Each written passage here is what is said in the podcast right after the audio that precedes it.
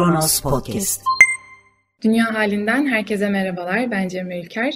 Bugün Ömer Murat'la Erdoğan'ın Suriye harekatı açıklamalarını, Biden ile devam eden telefon krizinin detaylarını ve dünya gündeminden farklı başlıkları ele alacağız.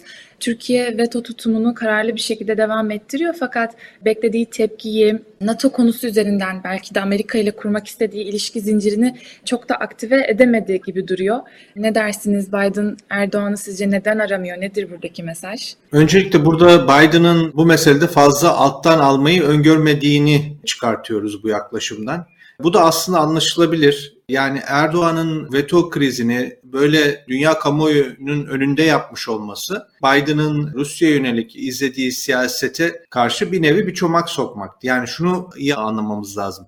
Bu kriz Rusya Ukrayna'ya saldırdığında İsveç ve Finlandiya dedi ki bizim bu konudaki yani Rusya ile Batı arasındaki askeri çatışmalarda tarafsız kalma politikamızı değiştirme niyetimiz yok dedi bu iki ülkede.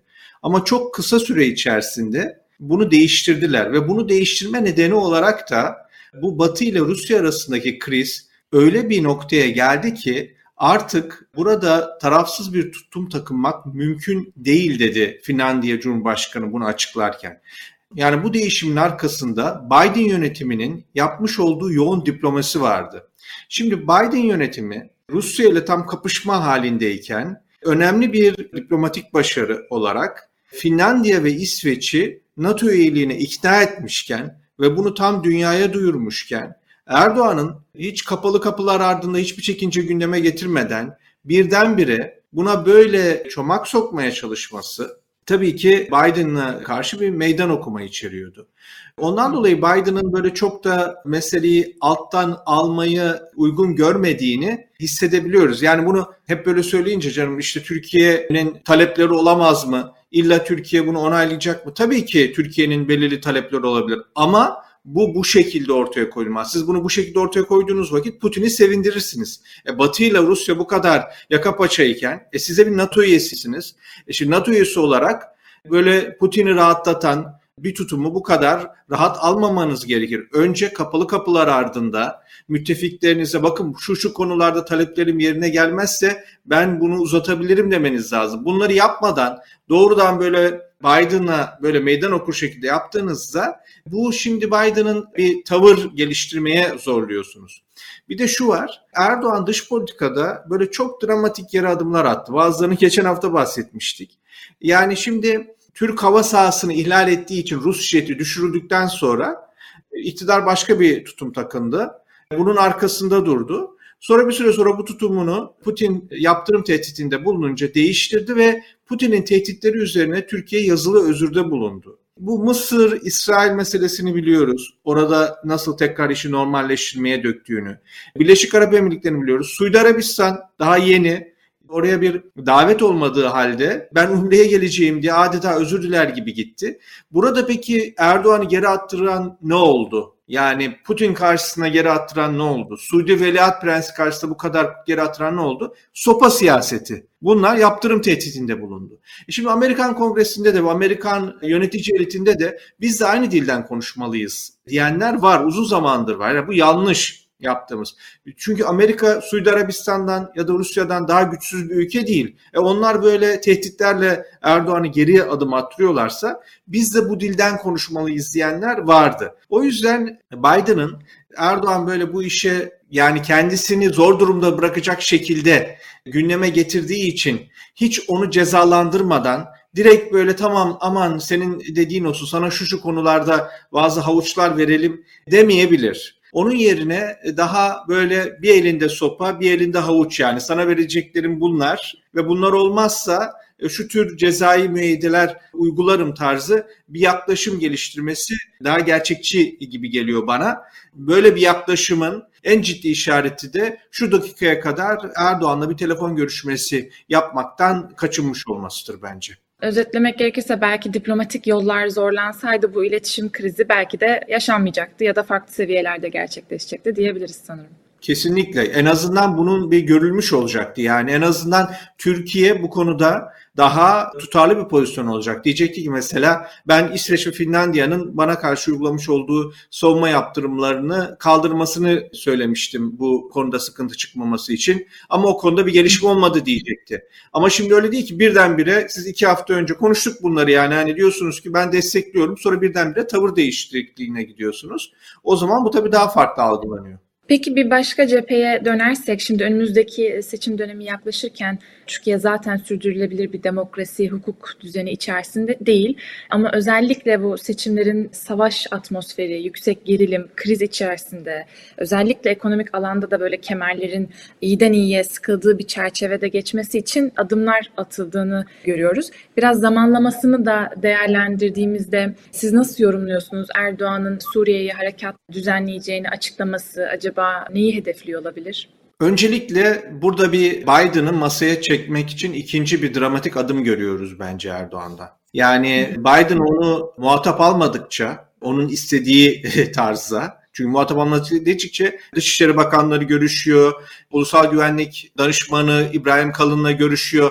Türkiye ile Amerika arasında devamlı bir müzakereler, görüşler yürütülüyor ama Erdoğan'ın talebi Biden'ın devamlı kendisini araması, kendisini Washington'a davet etmesi, uluslararası konferanslar marjında mutlaka görüşmesi o tip bir yaklaşım gelmiyor. Bu gelmedikçe de bu Erdoğan'ı biraz hırçınlaştırıyor ve bunun bir boyutu bu. Yani eğer sen beni muhatap almazsan istediğim tarzda o zaman ben de işleri daha da karıştırırım. Mesela Suriye'ye yeni bir asker harekat düzenlenme. Hatırlayacak olursanız daha önceki askeri harekat Trump'ın aptal olma, senin ekonomini mahvederim tarzı e, Türkiye'yi aşağılayıcı tavırları sonucu durdurulmuştu. Şimdi burada böyle bir şey var. Yani Batı ile Rusya tam böyle birbiriyle yaka paça olmuşken Erdoğan'ın Suriye'de fazla karışamayacakları düşüncesi var. Ama bakın tekrar bu da Batı'da şu an çok ciddi bir şekilde Rusya meselesi gündemde. Ya bunun ekonomik sonuçları, güvenlik sonuçları gündemde.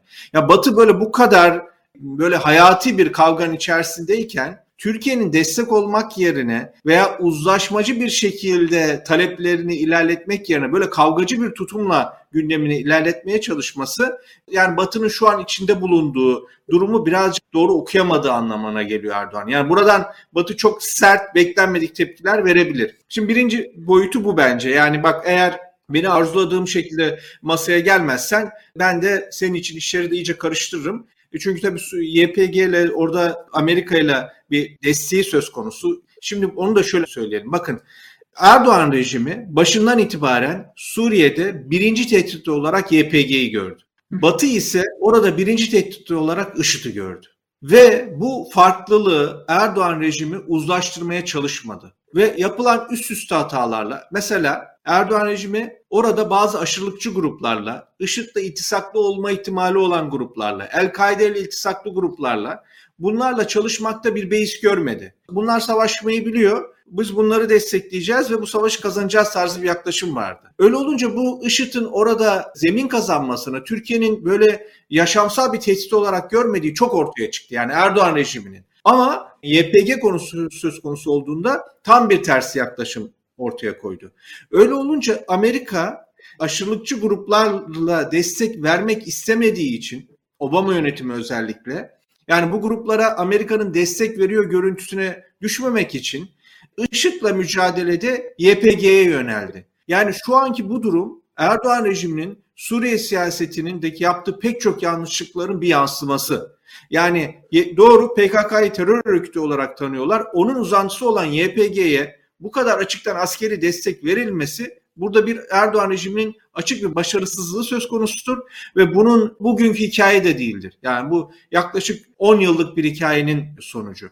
Şimdi seçim satım haline giriyoruz ve HDP'nin kapatılması gündemde. Çünkü HDP kapatılmayınca AKP'nin mecliste çoğunluğu elde edememe ihtimali var. Kürt illerinde AKP ikinci parti. Yani seçim aritmatiği olarak o HDP'nin kapatılması, bağımsız adaylarla gidilmesi falan AKP'ye çok yarıyor. Ondan dolayı bunu yapabilir. Yapma ihtimali var. Ama bunun doğrudan böyle bir demokratik partiyi kapatma değil de terörle mücadele gibi gösterebilmek bakımından maalesef o Suriye'den gelecek olan şehit cenazeleri Erdoğan'ın işine yarayacak. Bunun bu boyutu da var. Nitekim şimdi yani bir yandan ya bunlar hiç tesadüf değil. Tam bunlar olurken Bir yandan da bugün birden bir haber düştü. İşte Türkiye IŞİD'in yeni liderini Önceki lideri birkaç ay önce İdlib'de Türkiye sınırında bir yerde Amerika'nın yapmış olduğu operasyon sonucu öldürülmüştü. Şimdi bu yeni lideri İstanbul'da yakalanmış. Ayrıntıları da Erdoğan hani bunu duyuracakmış diye bir haber. Türkiye'nin en fazla eleştirildiği, Erdoğan hükümetinin en fazla eleştirildiği bir konuda bir yandan Kürtlere yönelik bir harekat düzenlenirken bir yandan da burada IŞİD'e karşı Türkiye'nin bir hareketlenme içine geçtiği oluyor. Ama burada o kadar büyük bir güven kaybı söz konusu ki yani bunun zamanlaması bile yani tam böyle bir Suriye'ye asker harekat düzenleyeceğim, YPG'ye birinci tehdit olarak diye bundan bahsederken bir anda da IŞİD'in lideri İstanbul'da yakalıyorsun. E bu da tabii soru işaretlerini doğuruyor. Bu Suriye meselesi oldukça karmaşık bir mesele. Belki bunu ayrı bir programda e, tüm ayrıntılarıyla ele almalıyız.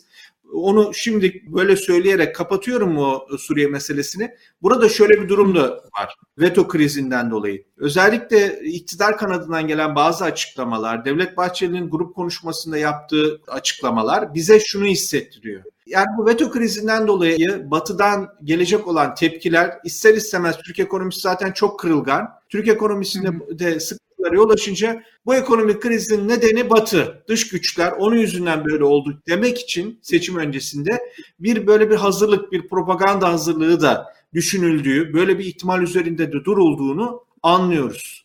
Biden Erdoğan'ı belki muhatap almadıkça Türk basınının da vesilesi ve propagandasıyla belki yeni bir rol model oluşturulmaya gayret ediyor Erdoğan için. Özellikle bölgedeki öncelikleri öne alırsak Suriye ve yeni IŞİD liderinin de yakalanması ve özellikle bunun Erdoğan tarafından önümüzdeki günlerde paylaşılacağı bu tarz bir mesaj veriyor veto krizini ve Suriye harekatını ele almış olduk. Tabi bu hafta global gündemde e, açıkçası yoğundu. En önemli hadiselerden birisi Salı günü Amerika'nın Texas eyaletinde gerçekleşen silahlı okul saldırısı oldu.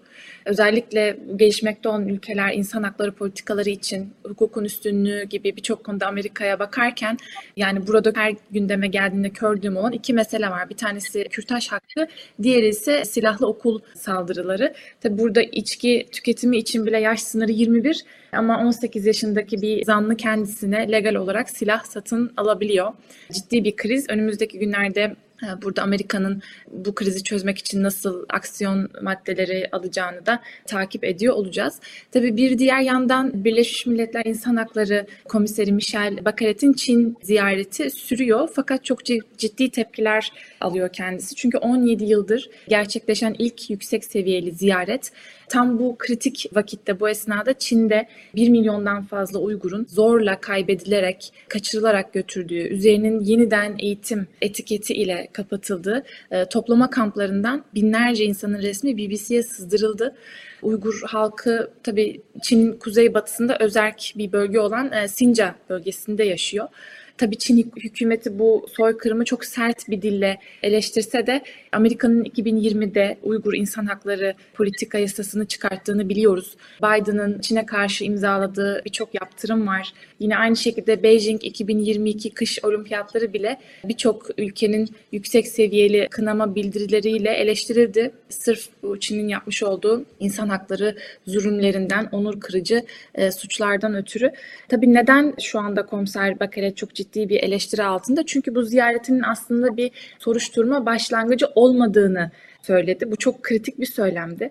Çünkü uluslararası arenada insan hakları kurumları bu onur kırıcı suçları uluslararası ceza mahkemesine taşıyabilmek için gerçekten çok ciddi çalışmalar yürütüyor. Çünkü bu bağımsız mahkemenin soykırım değerlendirilmesindeki en kritik husus dokümanların delillerinin devlet eli tarafından yapılan bu onur kırıcı suçların sistematik bir şekilde gerçekleştiğinin ortaya konması. 2000'den fazla dijital vesikalık resim gördük.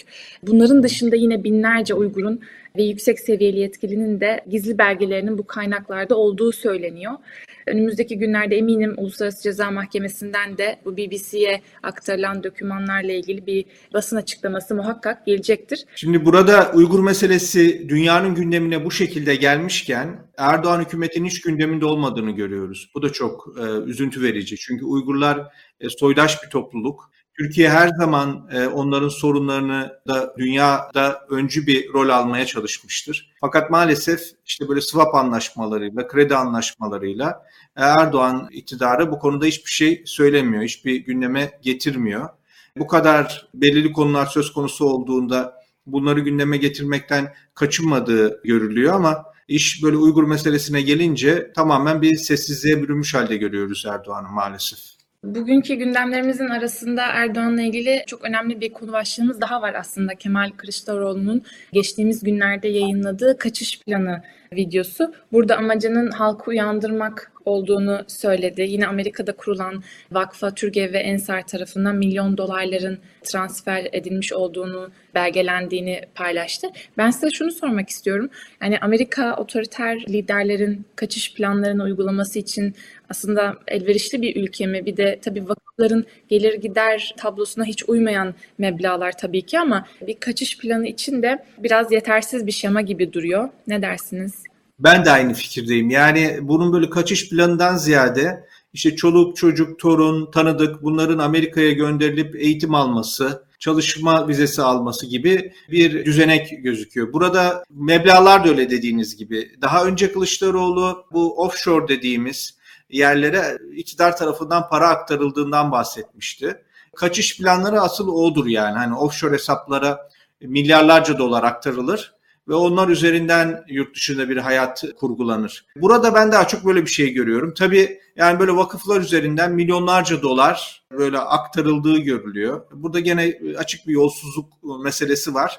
Yani bunu kaçış planından ziyade ben de öyle gördüm. Yani bu daha çok çocuklara, torunlara, artık tanıdıklara, onlara Amerika'da okuma ve çalışma vizeleri alınması için bir düzenek kurulmuş gibi gözüküyor. Ve orada bazı lobi faaliyetlerinde bulunmak. Şimdi Hillary Clinton'a da mesela seçim için işte para yardımı yapıldı ortaya çıktı. Çünkü Amerika'da biliyorsunuz bunları hiç gizleyemiyorsunuz. Yaptığınız tüm yardımları belgelemek evet. durumundasınız.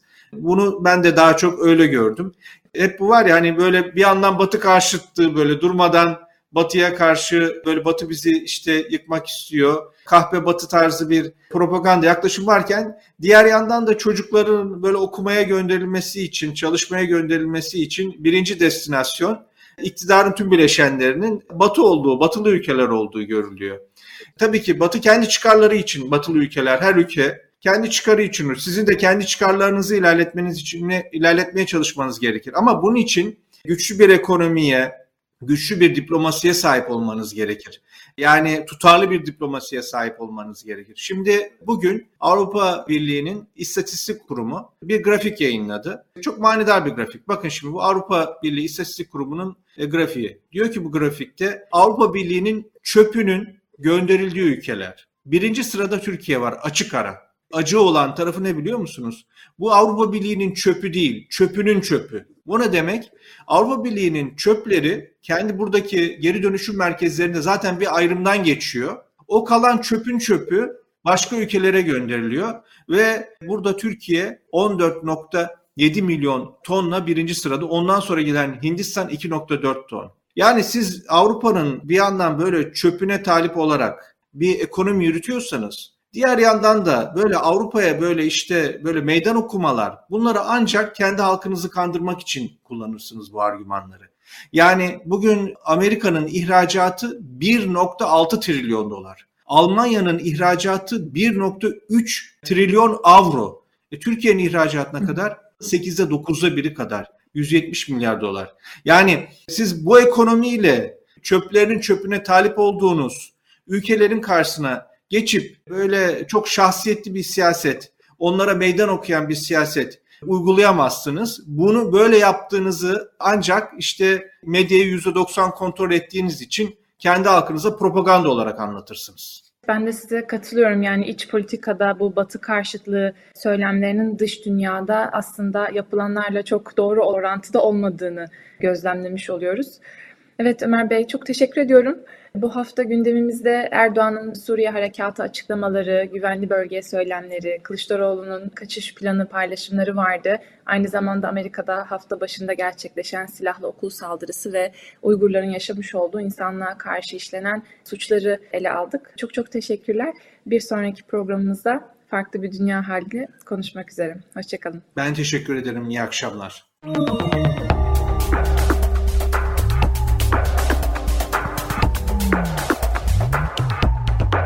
Kronos Podcast